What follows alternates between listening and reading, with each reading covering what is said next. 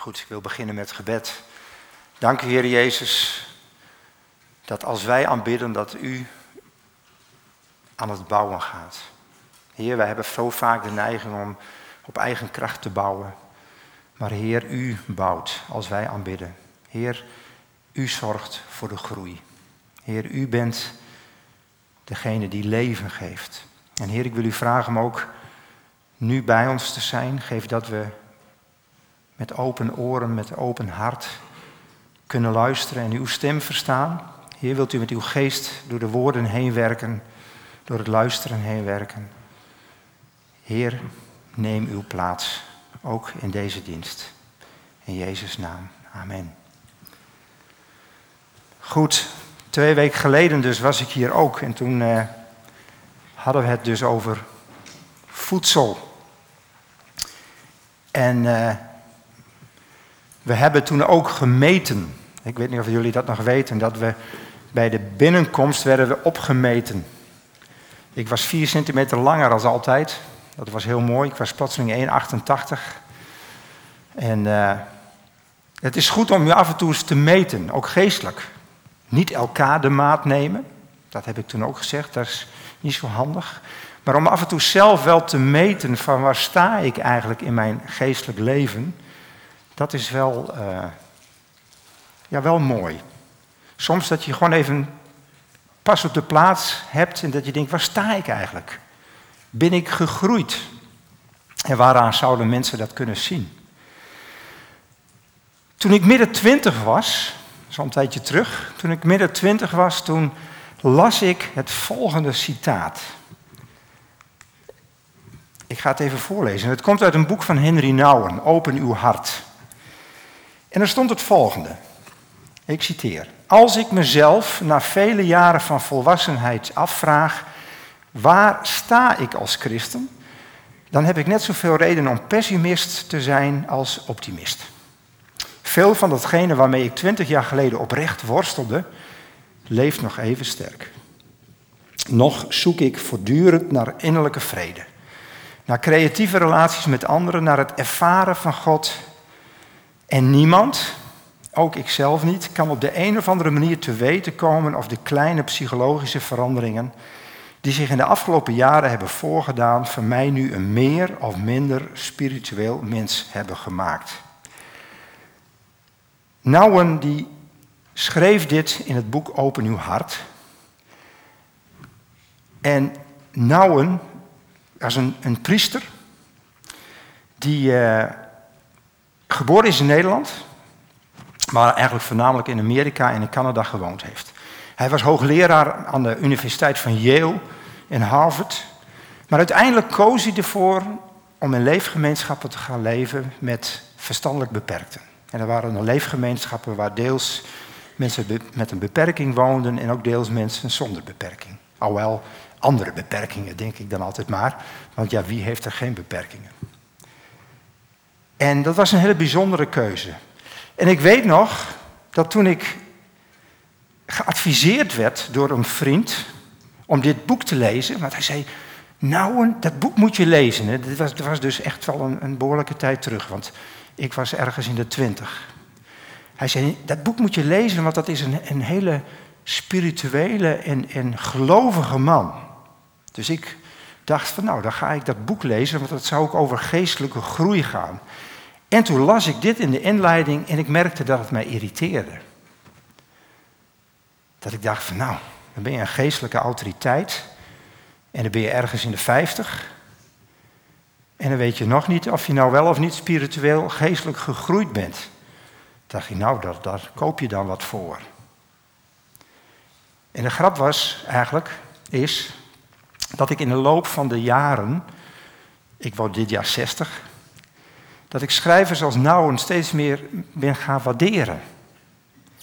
En niet zozeer vanwege hun twijfel. En al helemaal niet omdat ze zo stellig en zo zeker zijn over wat ze geloven. Maar waarom? Omdat hij eigenlijk voortdurend zegt, je geestelijke groei, je geestelijke volwassenheid heeft te maken met jouw verbondenheid met Jezus Christus. Hoe intiem ben je met Hem? Daar leggen ze steeds de nadruk op. Leven in afhankelijkheid van Hem. Nou, de afgelopen tien jaar heb ik eigenlijk voor mezelf ook zo'n soort overgangsfase meegemaakt. Heeft met de leeftijd te maken wellicht, de midlife. En ik merk dat toen ik een jaar of 20, 30 was, toen had ik een geloof, een godsbeeld, dat stond als een huis. Echt. Daar kon je echt trots op zijn. Stevig fundament, helder, duidelijk. Nou, dat is nu een beetje anders. Maar weet je wat het mooie is? Ik woon nu wel in dat huis. Ik woon in dat huis en ik voel me er veilig. Het is een thuis. Je zou kunnen zeggen een open thuis. Een open thuis waar je kunt groeien, waar je de ruimte krijgt om te veranderen.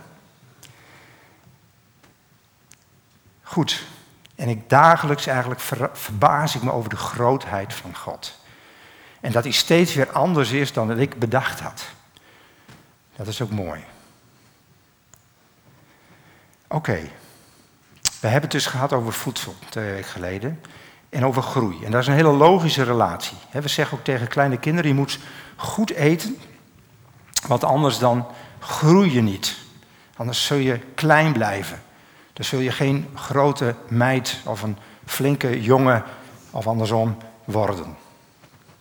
En we hebben ook gehoord dat Jezus zei, dat zei ik ook vorige keer, dat Hij het brood is dat eeuwig leven geeft. En hij zei, als je bij mij komt, en daar zit die verbondenheid dan ook, zul je nooit meer honger hebben. En als je in mij gelooft, zul je nooit meer dorst hebben. Onze ontwikkeling, onze groei, heeft dus te maken met onze relatie met Jezus Christus en het vertrouwen in Hem. En vandaag wil ik eigenlijk een stapje verder gaan dan groeien, namelijk vrucht dragen. Het effect van groei. uiteindelijk is de bedoeling van groei dat je vrucht draagt. Want is het niet, wat hier ook achter nu staat, zaaien? Je kunt er steen zaaien, maar dat, dat gaat hem niet worden. Zaaien, ontkiemen, wortelen. Dat is deze. Deze zijn bijvoorbeeld als ik zal het niet te scheef houden, want er valt hier wellicht. Maar deze zijn goed geworteld. Moet je ook niet meer aankomen. En dan trek je de worteltjes stuk. Wortelen, groeien, bloeien en vrucht dragen. Dat is eigenlijk de circle of life, zou je kunnen zeggen. Daar gaat het uiteindelijk om. Nou, laten we eerst een stukje uit de Bijbel lezen, waarin ook Jezus een plant gebruikt als het symbool voor het principe van groei en vrucht dragen. We lezen uit Johannes 15, vers 1 tot en met 5 eerst en dan nog een ander stukje. Johannes 15, vers 1 tot en met 5. Ik ben de ware wijnstok en mijn vader is de wijnbouwer. Iedere rank aan mij die geen vrucht draagt, snijdt hij weg. En iedere rank die wel vrucht draagt, snoeit hij bij, opdat hij meer vruchten voortbrengt. Jullie zijn al rein door alles wat ik tegen jullie gezegd heb. Blijf in mij, dan blijf ik in jullie. Een rank die niet aan de wijnstok blijft, kan uit zichzelf geen vrucht dragen. Zo kunnen jullie geen vrucht dragen als jullie niet in mij blijven. Ik ben de wijnstok en jullie zijn de ranken. Als iemand in mij blijft en ik in hem, zal hij veel vruchten voortbrengen. Maar zonder mij kun je niets doen. Hier staat ook die verbondenheid, die intimiteit, wat hier heel sterk uitgedrukt. En dan lees ik nog een klein stukje uit Johannes 15, dan vanaf vers 8 tot en met 12. Daar staat dan, de grootheid van mijn vader zal zichtbaar worden wanneer jullie vruchten voortbrengen en mijn leerlingen zijn. Ik heb jullie lief gehad, zoals de Vader mij heeft lief gehad. Blijf in mijn liefde. Je blijft in mijn liefde als je aan mijn geboden houdt, zoals ik me ook aan de geboden van mijn vader heb gehouden en in zijn liefde blijf. Op het scherm zien jullie foto's van ontkiemende boontjes. Of ja, jullie zien nu eigenlijk een graankorrel. Dan ga ik dus zometeen even op door. Hier zien we de boontjes in allerlei fasen. En het is eigenlijk geweldig hoe snel dat gaat. En toen wij twee weken geleden gingen wij naar huis toe en we hebben direct de boontjes in watten gelegd, vochtig in de vensterbank gezet en met de verwachting dat er zoiets zou gebeuren. Nou, het is bij ons een beetje misgegaan. Ik weet niet precies waar dat aan ligt, maar dat is wel mooi, want groei kun je dus niet organiseren. Groei kun je wel faciliteren, zeg maar. Je kunt er wel van alles voor doen om die groei mogelijk te maken, maar je kunt het niet afdwingen. Dat blijkt wel. We hadden de boontjes dus in water gelegd. En bijzonder dat het eigenlijk vrij snel gaat ontkiemen. Als je dus zorgt voor warmte, voor vocht, voor licht, dan al heel snel, eigenlijk binnen een paar dagen, komt er een klein kiempje uit. Dat is ook mooi, want het principe ervan is dus eigenlijk, als je dus na een paar dagen was de eigenlijke boon eigenlijk ging al weg. Hè? Dus die werd al anders.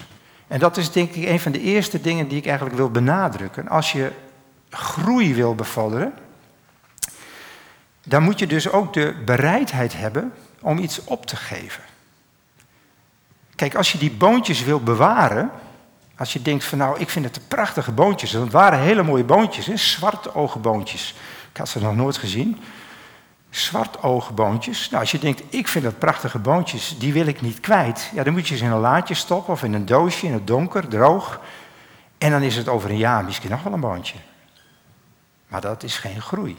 En uiteindelijk komt het boontje dan niet tot zijn of haar. Ik weet niet of een boontje mannelijk of vrouwelijk is, maar komt niet ik denk vrouwelijk, komt ze niet tot haar bestemming.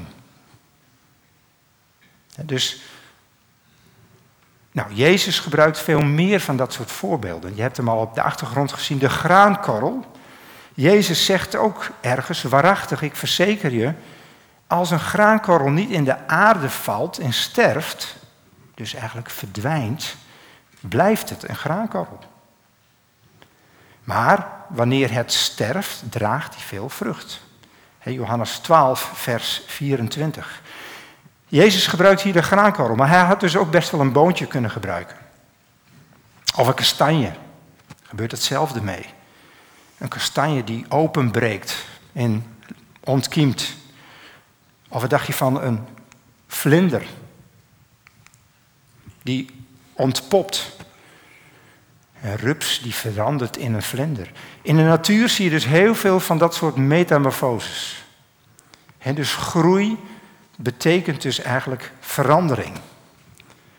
Groei, als je niet wil veranderen, en dat is denk ik wel een, een, een belangrijke les, als je niet wil veranderen, als je bang bent om te veranderen, om dat wat vertrouwd is los te laten, dan zul je niet groeien. Als ik die boontjes wil bewaren, ja, dan blijft het een boontje en dan zal die geen vrucht dragen. Groei is veranderen. En als je alles op alles zet om er niet te veranderen, ja, dan blijft het eigenlijk bij hetzelfde en dan zal groei en ontwikkeling stagneren.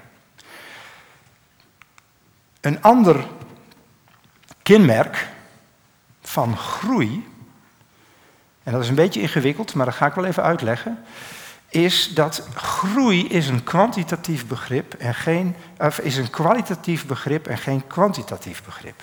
Ga ik even uitleggen. Stel, stel ik, eh, ik heb 100 boontjes en ik denk ik wil mijn verzameling boontjes doen groeien. En ik ga er op een of andere manier nog 100 boontjes bij halen. Dan heb ik 200 boontjes. Klopt hè? Ik kan wel tellen. En dan zou ik kunnen zeggen, mijn verzameling boontjes zijn gegroeid. Maar dat is niet zo. Dat is geen groei. Dat is verdubbeling. Dat is vermeerdering. En dat is hetzelfde als met die stenen.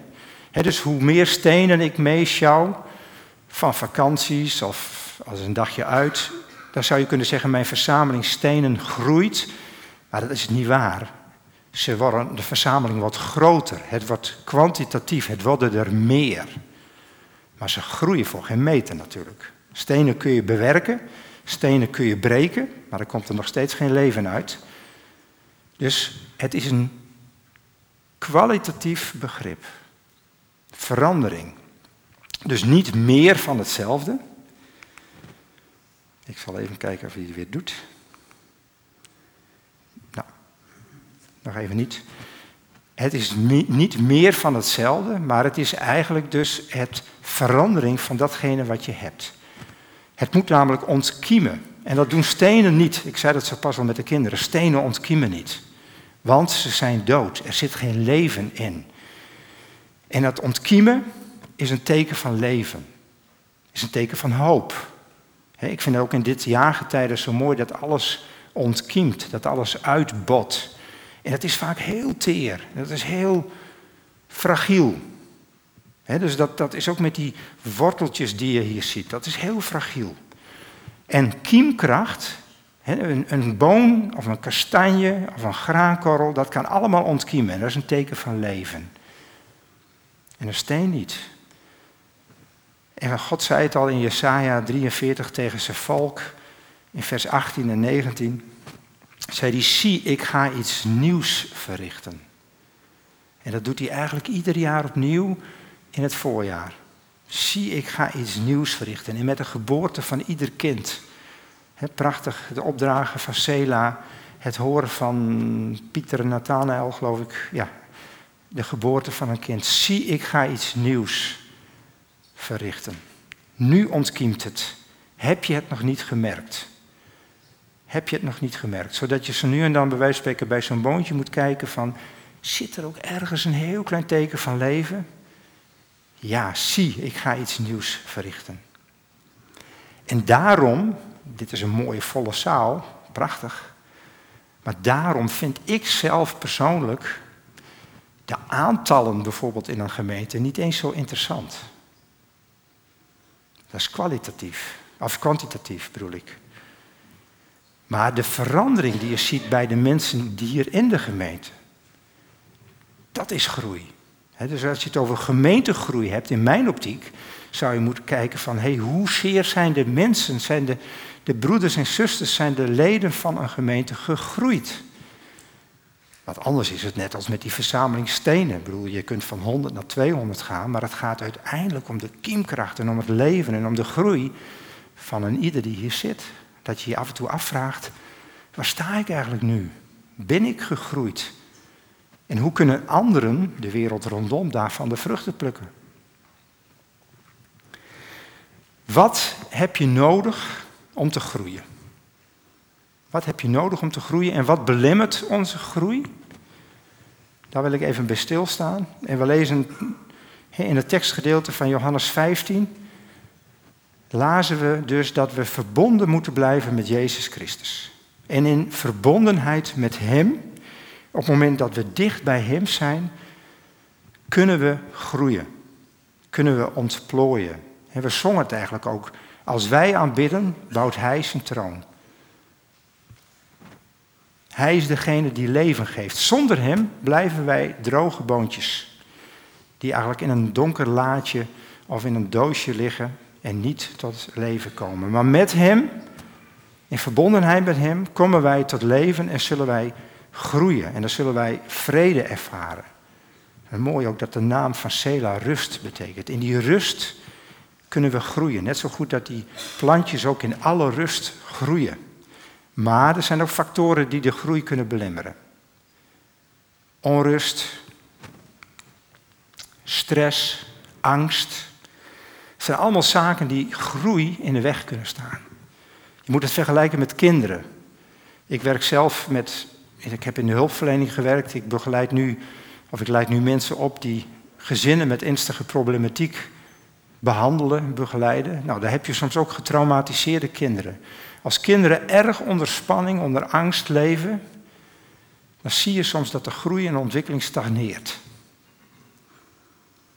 Dan zijn de omstandigheden niet ideaal en dan blokkeert het, dan stagneert het. Het kan door trauma's komen. En zo ook in de geestelijke groei. Je kunt als het ware zo onder druk komen te staan, zo onder spanning komen te staan en angstig zijn dat je eigenlijk niet meer groeit. En je ziet eigenlijk twee soorten reacties op die spanning. Ik heb ze ook op de sheet gezet. Aan de ene kant zie je dat er een soort, soort reactie van wat je zou kunnen noemen onvruchtbaarheid ontstaat. Dat je als het ware geen vrucht draagt, ga ik zo meteen wat verder op in. En de andere reactie is een overmatige productiviteit. Een soort maakbaarheid. Eerst het eigenlijk nog even stilstaan bij het fenomeen angst. Ik weet niet of jullie wel eens angstig zijn. Ik ben geloof ik de enige. Nee, er zijn wel meer mensen angstig, denk ik. Van alles wat er gebeurt in de wereld. En in de Bijbel, ik heb het misschien wel eens eerder genoemd, het schijnt, ik heb het niet helemaal nageteld, maar het schijnt dat er ongeveer 365 keer in de Bijbel wordt genoemd, vrees niet. Vrees niet. En dan zou je kunnen denken, mogen wij dan niet bang zijn? Ik denk dat het andersom is. Ik denk dat God dat 365 keer in de Bijbel heeft gezegd, omdat hij weten dat wij hele angstige mensen zijn. En dat hij weet dat wij gewoon een dagelijkse dosering bemoediging nodig hebben. Voor elke dag, vrees niet. Wees niet bang. Wees niet bang. Want God weet ook dat die angst onze groei kan belemmeren. Wat gebeurt er als je heel angstig bent? Dan kun je je terugtrekken. Dan kun je je verharden. Dan kun je je losmaken van God en van de anderen. En dan heb je zoiets van bemoei je maar niet meer met mij. Laat mij maar.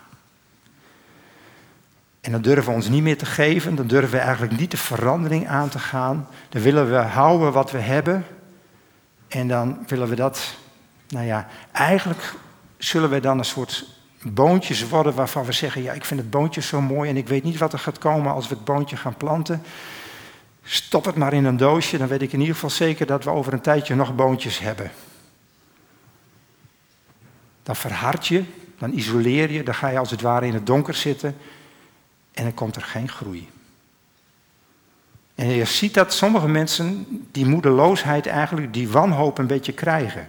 Maar die zeggen, ja, maar in deze wereld is er zoveel ellende en die machten zijn zo groot. je moet denken aan, aan, aan oorlogen, aan onrecht, aan, aan het milieu, eh, mensen die zich zorgen maken over hun bedrijf. En het komt maar op je af in golven. En dan zeg je, wat, wat invloed heb ik daar nu nog op? Wat kan ik daar nog aan doen? Laat mij maar, ik isoleer me wel. Ik, ik, ik kruip wel weg in mijn donkere laadje. Ik wil helemaal niet meer groeien. Wat heb ik nou te, te bieden aan de wereld? Of waarom zouden we nog kinderen krijgen in een wereld als deze? En dat is eigenlijk de stem van de dood. Dat is eigenlijk de stem die zegt van, kruip maar weg, doe maar niks meer, hoop niet, wanhoop. En dan krijg je een soort